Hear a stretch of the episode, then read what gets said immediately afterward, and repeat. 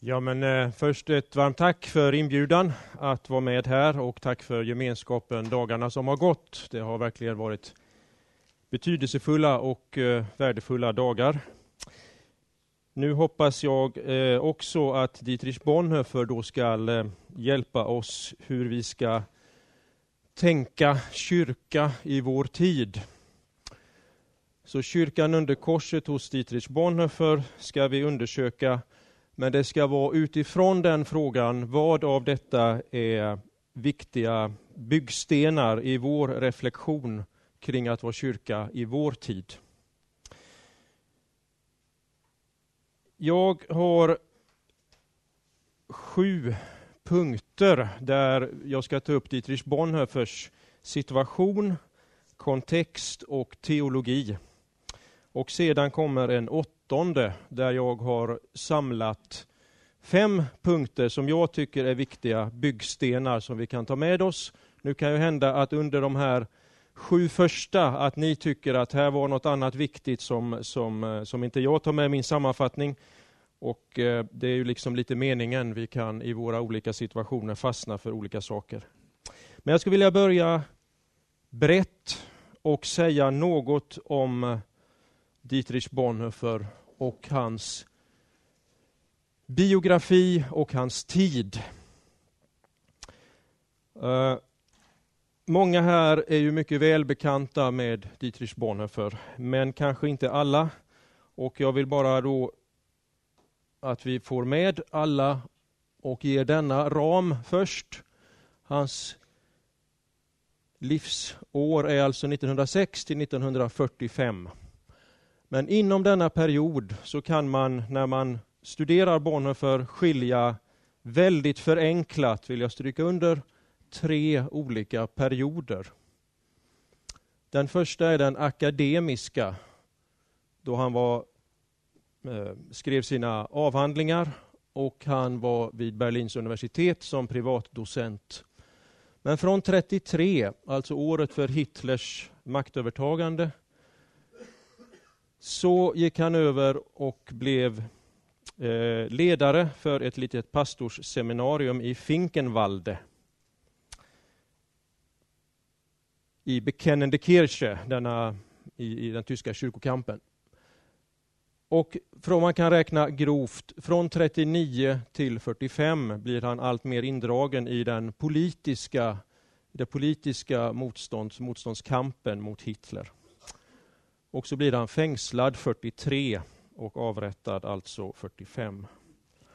Och bara innan vi lämnar den här första bilden, så såg alltså kapellet i Finkenwald ut och bland teologer är ju Finkenwald en, en kan man säga, världsberömd plats. Men när man ser hur oerhört enkelt, enkla förhållandena var där så är det en form av korsteologi redan i, i detta.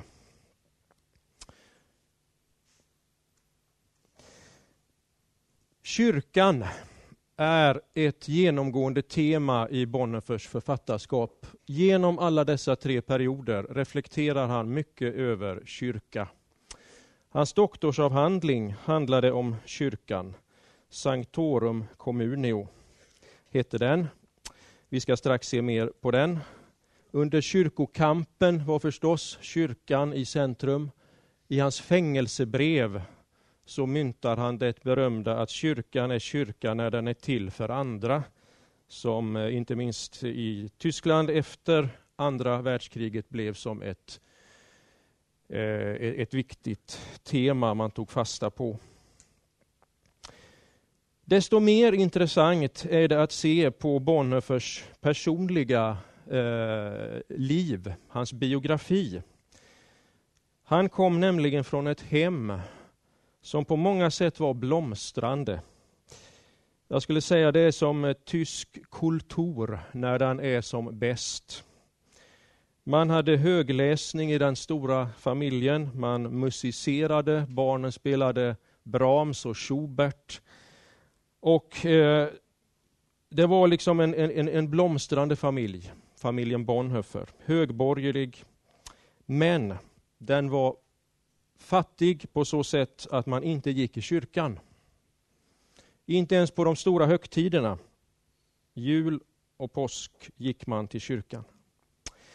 När man läser detta om Bonhoeffer kan man få intryck att han var uppvuxen i ett sekulariserat hem.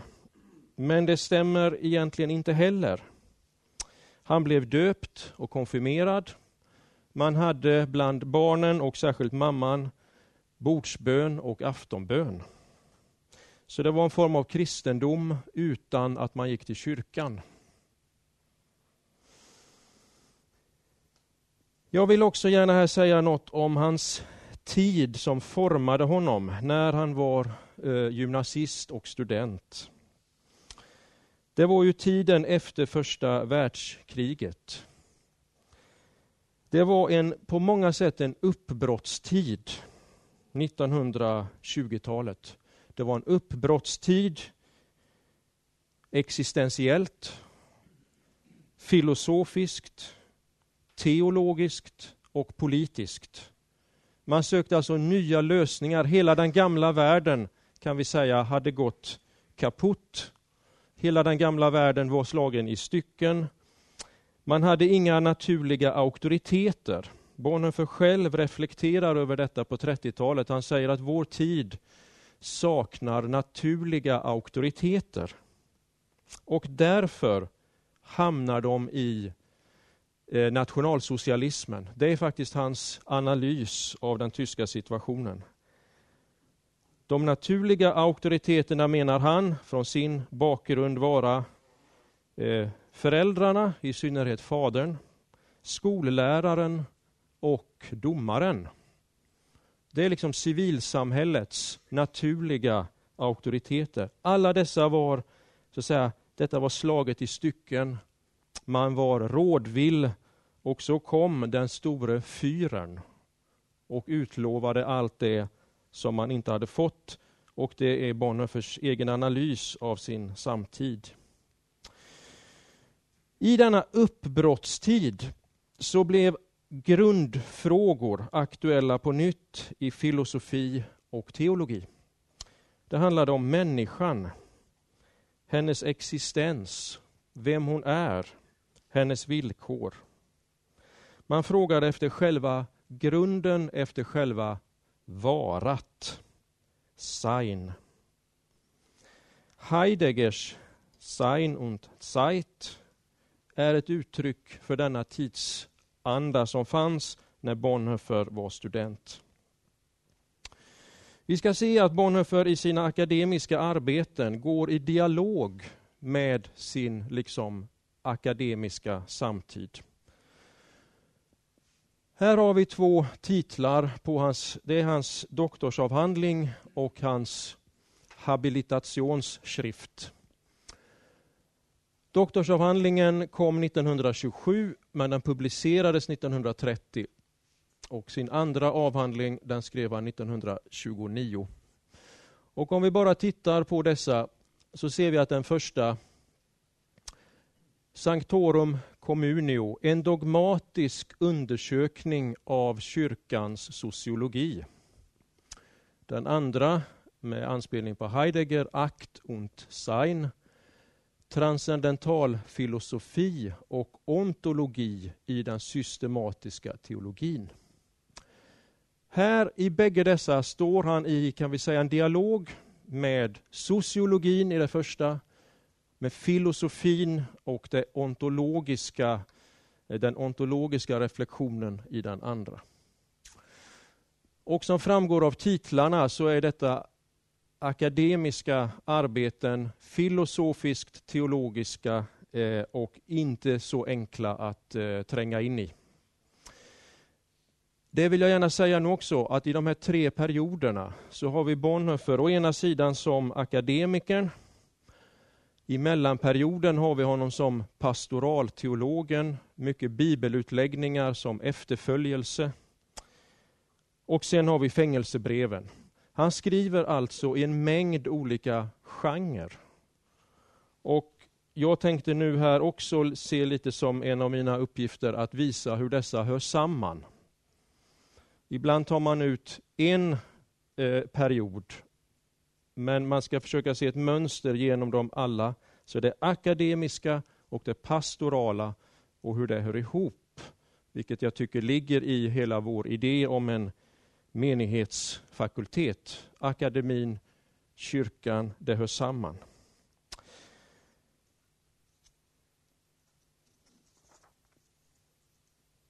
Det som låg i tiden här, det var frågan om människan. Och det var än mer, det var frågan om en ny mänsklighet. Denna fråga fanns sedan Nietzsche i den tyska teologin. Och Nietzsche vet vi nazismen anknöt till. Man har diskuterat med rätt eller orätt. Men hans tankar om en Übermensch och nazismens tankar om ett herrefolk ligger ju nära varandra och det här fanns i tiden. Så medan å ena sidan det fanns en öppenhet, ett sökande, en uppbrottstid, så fanns det å andra sidan något som var allt annat än öppet, nämligen den totalitära staten, som under Bonhoeffers livstid växte sig allt starkare. Det Bonhoeffer gör nu när vi talar om kyrkan, det är alltså att redan från början formulera en, kan vi säga, luthersk kyrkoförståelse i en modern tid. Han tar Luthers kyrkoförståelse, han anknyter alltså mycket till den i sitt första verk. Och för övrigt, det kan vi återkomma till kanske under, under frågorna. Men Luther är den auktoritet, teologiska auktoritet som Bonhoeffer citerar flest gånger. Eh, långt fler gånger än Bart, som han ju också är djupt influerad av. Men han ser sig själv som en luthersk teolog. Han anknyter till Luther, men han formulerar det på ett nytt sätt i en ny tid. Så han tar den lutherska kyrkoförståelsen in i den moderna tiden. Och frågan för oss blir som sagt att vi som lever i en, vad vi nu vill kalla den, senmodern eller postmodern tid. Frågan är vad vi kan lära av hans förflyttning av, av detta teologiska paradigm. Där jag vill börja, det är alltså i frågan nu om... Nu ska vi se. om människan och en teologisk antropologi. Bonhoeffer anknyter till hela denna diskussion. Han utformar, han ställer frågan om en teologisk människosyn och den ligger sedan väldigt nära hans kyrkosyn. Vi ska se hur de, de är som två sidor av samma sak. Men under själva människosynen finns också en del viktiga eh, metodfrågor, skulle jag säga. Bonhoeffer är vad jag skulle vilja kalla en ontologisk tänkare. Det betyder att han söker tillvarons vara, dess sign. Dess djupaste grund, dess väsen. Vi såg det hur han hade det i titeln på en av sina avhandlingar. Ontologi, alltså läran om varat. Det Bonhoeffer vill visa i sin andra avhandling som heter Akt und Sein är att människan i sig själv inte kan nå själv, självinsikt. Hon har inte i sig själv så att säga, resurser att nå en sann självinsikt. Det han här vänder sig mot är bland annat tanken på det autonoma förnuftet. Det självständiga förnuftet det förutsättningslösa förnuftet. Denna idé med rötter i upplysningen hade ju slagit igenom djupare och bredare och en av de saker som kännetecknar när vi talar om modernitet. Människan förstår sig så som stående på egna ben, så som varande autonom. Bonhoeffer kallar försöken att förstå sig själv utifrån sitt förnuft för helt enkelt det filosofiska tänkandet, mot vilket han ställer det teologiska tänkandet. Och det teologiska tänkandet har som sitt kännetecken att det alltid utgår från Guds realitet.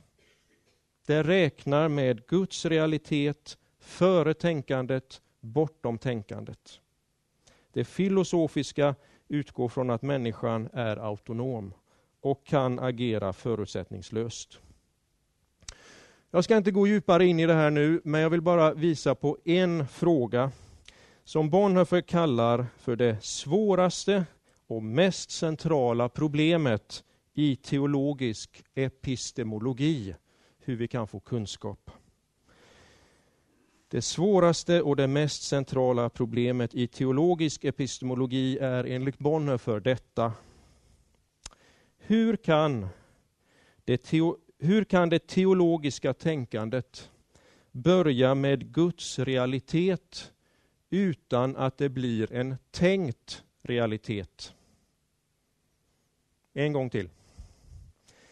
Hur kan det teologiska tänkandet börja med Guds realitet utan att det blir en tänkt Guds realitet? Problemet, menar Bonhoeffer, är nämligen att vårt tänkande och vårt förnuft inte når fram till en riktig bild av verkligheten. Inte heller när, den vill, när det vill tänka på Gud. Därför att det sätter alltid sig självt i centrum. Och Gud hamnar liksom nedanför jaget. Nästan hamnar i periferin. Människan är, säger han, med en term från Luther, inkurvatus in se, inkrökt i sig själv. Detta gör att hennes tänkande, hennes förnuft Genom att sätta sig själv i centrum och nästan och Gud i periferin ger en felaktig bild av verkligheten. Människan är, säger han, som i ett fängelse där jaget liksom sitter i centrum. Bonhoeffers svar på frågan hur ändå ett teologiskt tänkande är möjligt är detta fängelse öppnas utifrån när Gud uppenbarar sig. Och detta svarar människan på i tro. Då har han tro och tänkande i sin antropologi. Detta utvecklar han med ett par termer där han säger tron är något omedelbart, något direkt. Det är som när vi möter en person. Tron är en relationsterm. Tänkandet är reflektionen över detta möte. Han anknyter här till ett par termer som används i, i klassisk luthersk dogmatik, där man skiljer på tron som en direkt akt och som en reflekterad akt. Tron som en direkt akt, det är som själva ögat som ser Kristus men inte sig själv. Tron är så inriktad på Kristus att den inte ser eller tänker på sig själv. Den reflekterade akten, det är förstås den mera över, övervägandet, reflektionen, som när Paulus säger jag vet på vem jag tror. Vi kan jämföra det för att förstå vad han menar med pers eh, eh, ett personligt möte. När vi träffar någon så är det ju i medvetande, förnuftet är med. Men det är likväl något annat än när vi reflekterar över detta mötet. Därför säger Bonhoeffer så är det teologiska tänkandet som börjar med Gud som realitet, alltså något som måste äga rum i tro, där Gud har uppenbarat sig och där tänkandet sker, säger han, a posteriori och inte a priori. Här är en sammanfattning av detta ganska eh, ju komplexa eh, eh, resonemang som jag nu har förkortat kraftigt. Men jag menar här finns en väldigt viktig metodfråga för Bonhoeffer. Hur vi har kunskap om verkligheten, hur tro och förnuft förhåller sig till varandra. Alltså först det filosofiska tänkandet och det teologiska tänkandet. Synden som han förstår som människans inkrökthet och inte ger tillgång till, till verkligheten förrän Gud uppenbarar sig i, som Kristus. Människan möter Gud i hans ord och då kan eh, tron möta denna verklighet, Gud som person, inte som idé, men som person. Och förnuftet kan sedan utifrån detta reflektera vidare utifrån uppenbarelsen och verkligheten. Jag kommer strax tillbaka till hur han menar att detta sker vad gäller då kyrkan.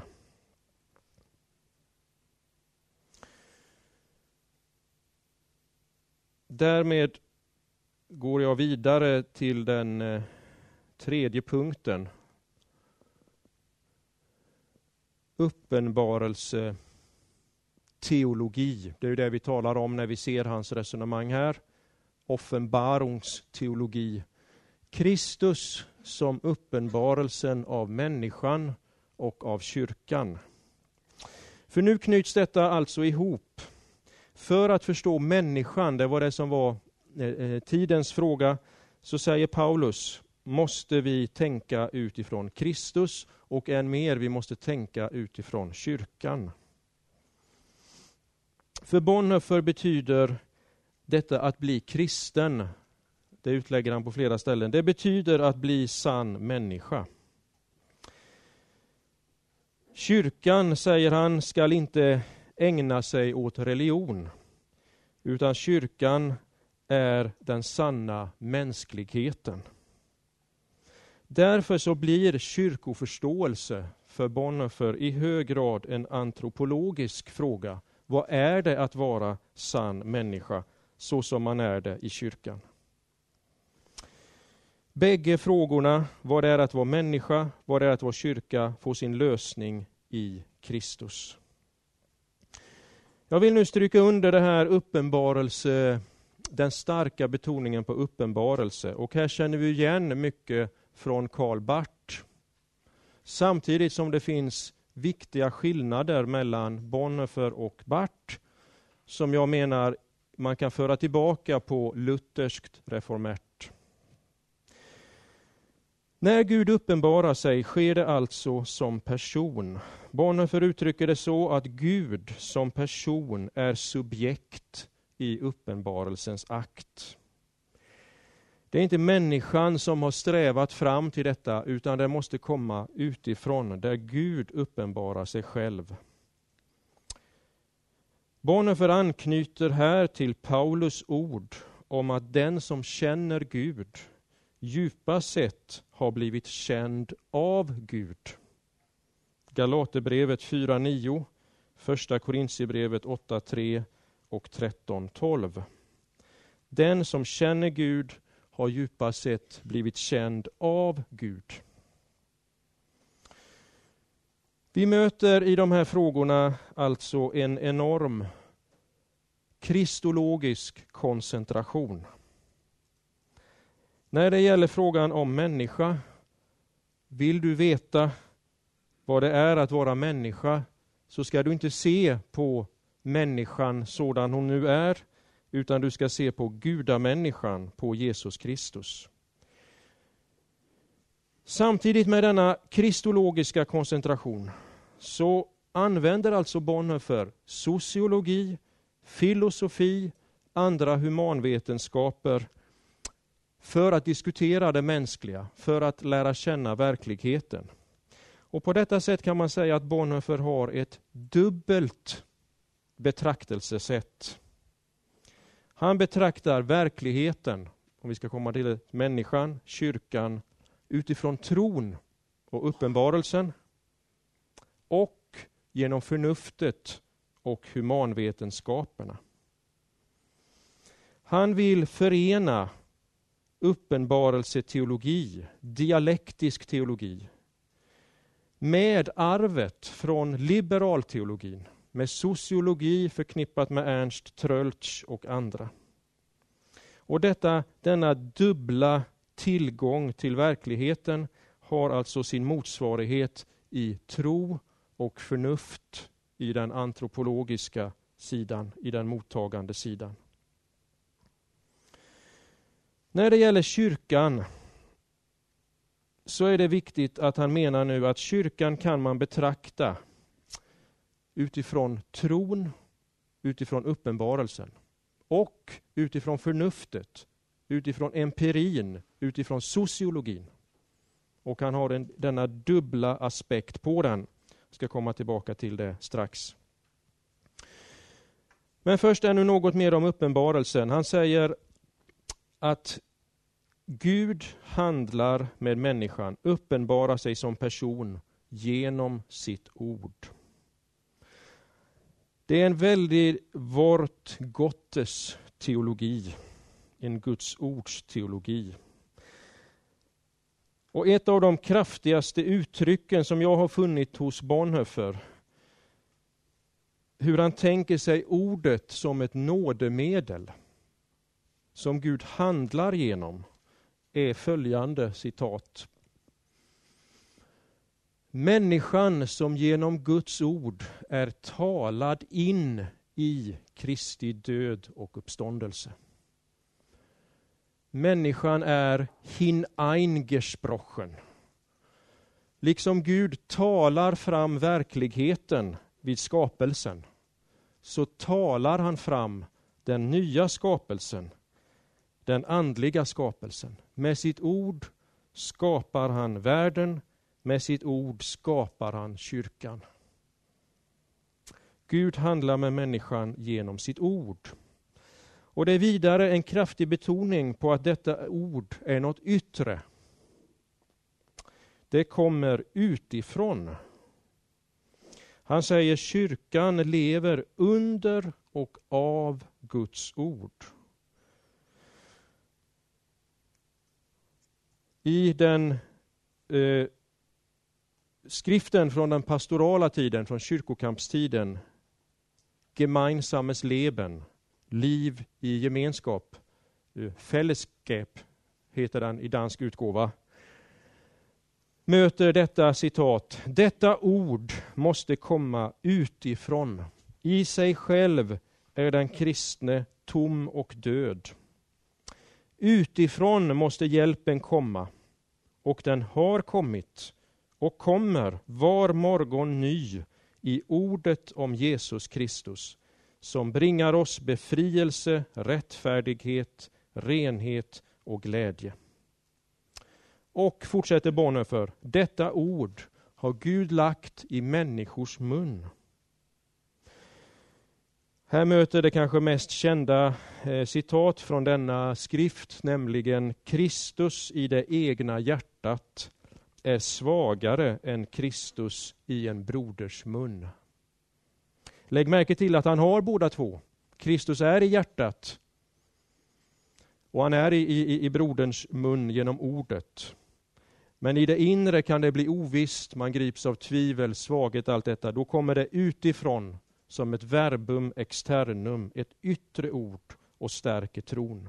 Tron lever av det som kommer utifrån.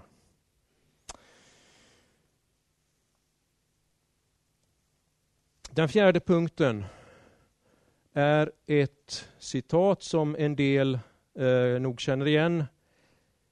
Kristus als Gemeinde existierend. Alltså Kristus existerande såsom menighet. Kyrkans ontologiska struktur. Och ordet ontologisk signalerar ju att nu blir det något djupare. Det handlar om varat. Men jag vill att vi ska förstå det här uttrycket. Det är centralt när man talar om Bonhoeffers eklesiologi, Christus als Gemeinde existierend. Och i detta resonemang som man har här i sin doktorsavhandling så ligger egentligen grunden till den teologi som sedan möter i, i mer populär och pastoral form i fällskap. Så därför tänkte jag att vi ska nu först försöka se vad han menar med detta och sen vill jag ge några tankar från fällskap. Hur det tillämpas.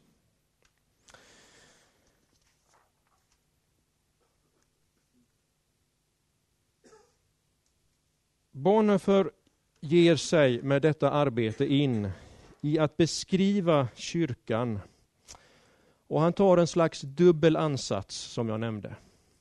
Han gör det bibelteologiskt, exegetiskt och där är det förstås Paulus tal om kyrkan och församlingen, menigheten som Kristi kropp. Den är vi alla, den är välbekant. Den filosofiska, eh, eh det filosofiska sättet som han närmar sig detta, det är när han tar fasta på att Paulus säger att den som har kommit till tro, tro är i Kristus. Vara i Kristus. Sign. Det beskrivs en djupare eh, skikt, vad det djupast sett handlar om att gå med i en församling, att bli döpt, att komma till tro. Men Paulus säger att detta är ett vara i Kristus. Det är en ontologisk beskrivning. När vi ser på den filosofiska sidan av detta så anknyter Bonhoeffer till Hegel. Han anknyter till reflektioner kring mänskliga fällskap som fanns i tiden då, som i någon mån finns nu. Men vid den tiden var det utbrett att man reflekterade kring hur ett fällskap i en kultur, i en familj, i en organisation, i ett land. Var det något mer än ett antal individer? Ja, svarade man vid denna tid allmänt. Det fanns någonting i den här kroppen som man också kunde tala om, en, en organisation, en samling av människor. Det fanns någonting mer än bara att det är ett antal individer. Och man använde ord för detta, ibland kallade man det för, jämförde det med en person, en gesamt person eller en kollektiv person. Detta tar Bonhoeffer upp och menar att det finns, låt säga en familj, någonting som vi skulle kalla en anda. Eh, eller i ett företag så kan vi tala om ett, en företagskultur.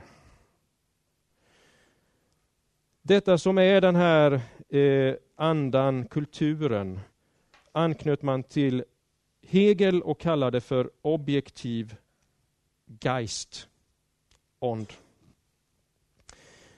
Denna objektiva Geist är något överindividuellt och något intersubjektivt.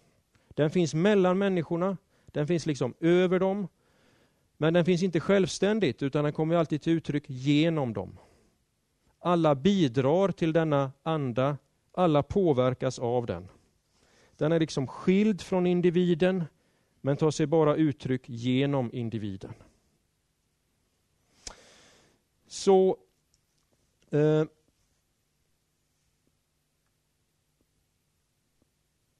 hans två sätt att nu nalkas han tillämpar sedan allt detta på en kristet fällskap. Vad betyder det, frågar han. Om vi tar de här sociologiska reflektionerna, statsvetenskapliga reflektionerna och tillämpar på en kristet fällskap. Så har han alltså en exegetisk eh, angreppspunkt och en filosofisk. Han betraktar menigheten utifrån den empiriska verkligheten, utifrån uppenbarelsen. Vi kan stanna där så länge. Nu kommer jag tillbaka till den andra halvan strax. När han nu beskriver eh,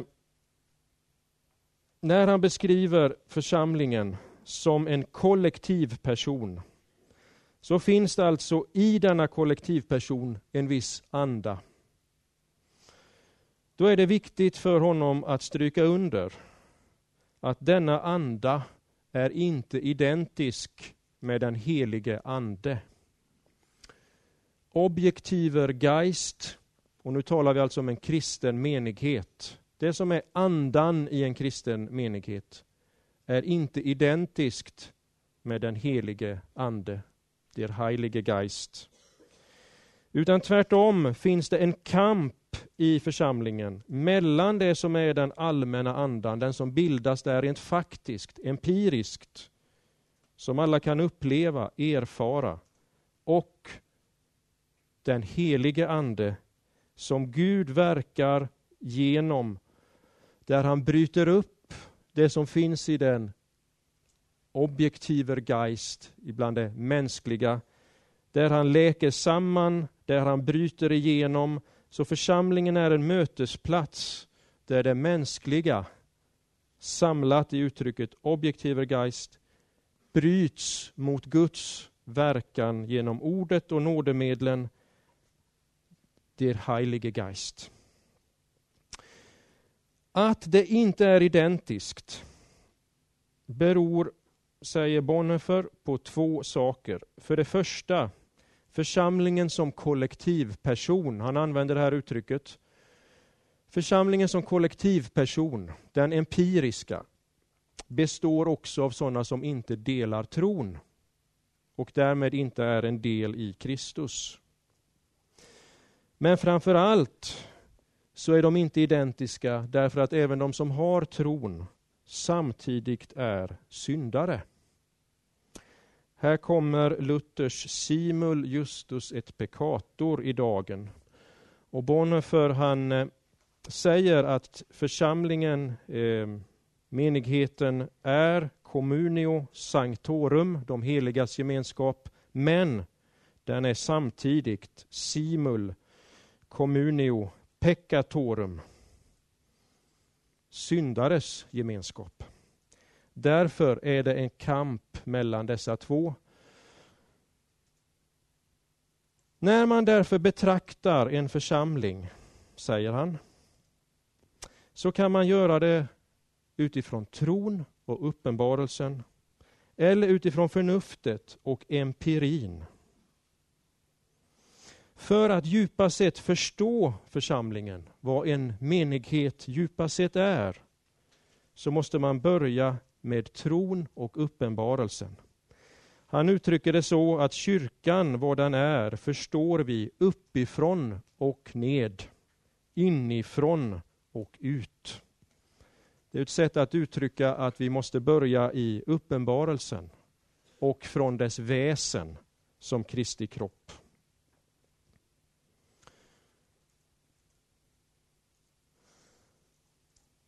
Samtidigt så stryker det här sättet att nalka sig församlingen under att församlingen verkligen, alltså att menigheten verkligen är Kristi kropp.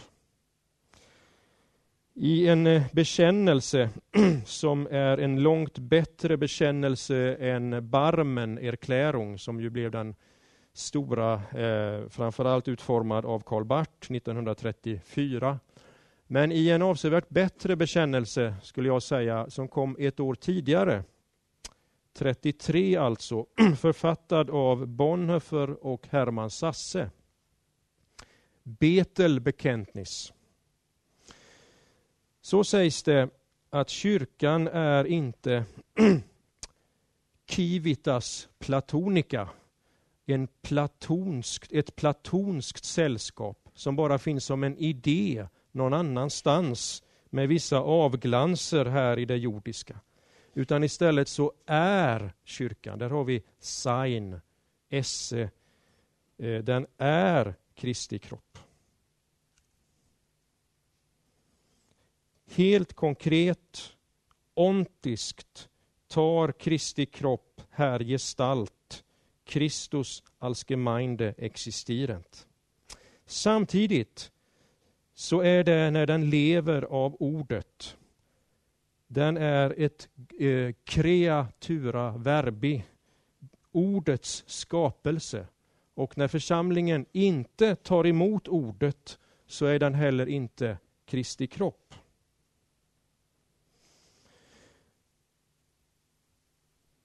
När vi reflekterar över en luthersk kyrkoförståelse så jag ska komma tillbaka till det i sammanfattningen, men jag vill säga redan nu, så är det viktigt att vi tänker utifrån ontologi, utifrån vara, utifrån tillvarons liksom väsen, kyrkans väsen. Nu tänkte jag innan rasten kort nämna och visa hur Bonhoeffer tillämpar detta. Eh, i sin bok Fällskap. Den femte punkten alltså, kyrkan är communio, gemenskap. Och boken Gemeinsames Leben, eller på svenska Liv i gemenskap, danska Fällskap. Här ser vi hur han tillämpar detta pastoralt och nu blir det oerhört mycket eh, enklare än de här filosofiska resonemangen. Men det är samma struktur i hans, i hans tänkande, teologiska tänkande. När vi i vår tid tänker kring fällskap så tror jag vår första tanke är vår tid präglas av individualism och ensamhet. Kyrkan är en gemenskap och vi behöver stärka denna sida. Kyrkan är ett fällskap. Det är en helt, skulle jag säga, riktig och normal reflektion i vår tid. Men det är därför det är spännande nu att läsa från andra tider. På Bonhoeffers tid, när den totalitära staten växte fram, så var hela samhället fullt av tal om gemenskap. Gemeinschaft. Volksgemeinschaft. Eh, Fällskap i olika organisationer, i ungdomsförbund, i Hitlerjugend. Då blir frågan, vad kännetecknar ett kristet fällskap? Det är hans utgångspunkt. Och Det första man kan ta fram från Bonhoeffers reflektioner kring detta med individ och, och ensamhet, nej, ensamhet, individ och fällskap, det är den goda individualiteten, den goda ensamheten. I en tid som så pressades samman i olika former av fällskap så behövdes det självständighet att gå sin egen väg. Integritet. De kristna behövde detta för att inte dras med i massrörelserna. Han skriver en, eh, eh några reflektioner som heter Efter tio år, som är eh, skrivna 1943, alltså sedan maktövertagandet 33. Och han har där en beskrivning av vad som har brutits ner under dessa tio år är den inre självständigheten. Vi skulle kanske uttrycka det som integriteten, den inre självständigheten i, under trycket av massan. Han säger att en kristen får ofta vara ensam. Eh, Gemenskap, fällskap är nåd. Citat, alla kristna har inte del i denna nåd. Fångarna, de sjuka, evangeliets förkunnare i främmande länder får ofta stå ensamma. De har lärt sig att synligt fällskap är nåd. Sedan utvecklar han vad som nu präglar en, ett kristet fällskap jämfört med de andra. Och det gör han utifrån vad som många tycker är den, eh, en svårt avsnitt i denna bok, men som jag menar är en nyckel till boken. När han skiljer mellan en pneumatisk eller andlig fällskap och en psykisk och själslig fällskap. Det ena framstår ur det som Gud har skapat med sin ande. Det andra är en produkt av människans naturliga längtan, begär efter gemenskap. Han kontrasterar dessa två väldigt skarpt. Det ena kommer så att säga ovanifrån, det har sin grund i Guds ord. Det andra stiger upp ur människans gemenskapslängtan, där hon vill bli knuten till någon och knyta andra till sig. Hon vill härska eller hon vill bli härskad över. Och läser vi detta mot bakgrund av tidens eh, massrörelser så förstår vi att han vill få fram nu det specifika med en kristen gemenskap som präglas, säger han, av frihet inte bunden vid något annat än vid Guds ord. Inte vid människor, inte vid mänskliga traditioner. Han säger att eh, den kristna gemenskapen låter den andra vara, nästan alltså, vara fri. Endast bunden vid Guds ord. Och Bonhoeffer säger så här att det är en fråga om liv och död för en, en kristen, ett kristet fällskap. Att få upp ögonen på skillnaden mellan andlig och själsligt fällskap. Därför att det handlar om att skilja mänskliga ideal från Guds verklighet, från det reala, från varat. Citat. I otaliga fall har ett helt kristet fällskap brutit samman därför att det har vilat på en önskedröm. Den stora besvikelsen över andra, över kristna i allmänhet och om allt går väl över oss själva måste bli total för att Gud ska kunna öppna våra ögon för vad äkta kristet fällskap är så säger han att det kristna fällskapet är inte ett ideal som vi är satta att förverkliga, utan det är en realitet som Gud redan har upprättat och som vi får ta del i. Tail nemen. Vi får ta del i en verklighet. Och ju mer, säger han, som vi lär oss att se att gemenskapens grund, kraft och löfte är i Kristus, i den helige Ande, dess bättre lär vi förstå fällskapet och bedja och hoppas för det. Nu kan vi ställa frågan. Är inte detta för tillspetsat? Är inte detta i verkligheten så hopflätat, alltså med det andliga och det mänskliga längtan efter gemenskap? När jag själv har ställt den frågan så tänker jag det Paulus säger om gammal och ny människa är ju i verkligheten oerhört komplext och hopflätat. Men inte desto mindre är Paulus tal om gammal och ny människa, kött och ande viktiga teologiska, själavårdsmässiga redskap för att hantera denna komplexa verklighet. Och så är även Bonhoeffers ord om andlig och själslig gemenskap som ett slags viktigt redskap för att förstå kristet fällskap. Det han vill göra upp med till sist nu innan rasten är alltså för det första idealiserande drömmar. Mänskligt drömmeri kontra verklighet ställer han upp. Det andra som han vill, det är frihet. Det är som en frihetsskrift. Och för att bara visa hur detta tar sig uttryck i, i ett personligt brev som han skriver, så är det så här att hans Eh, fästmö, Maria von Wedemeyer, kom från en familj och släkt som eh, i Nordtyskland som tillhörde Berneuschener Bewegung som var en eh, eh högkyrklig rörelse. Eh, eh Mikaeli Broderschaft, de ville förnya eh, kyrkan. Den beskrivs allmänt som en, en högkyrklig rörelse.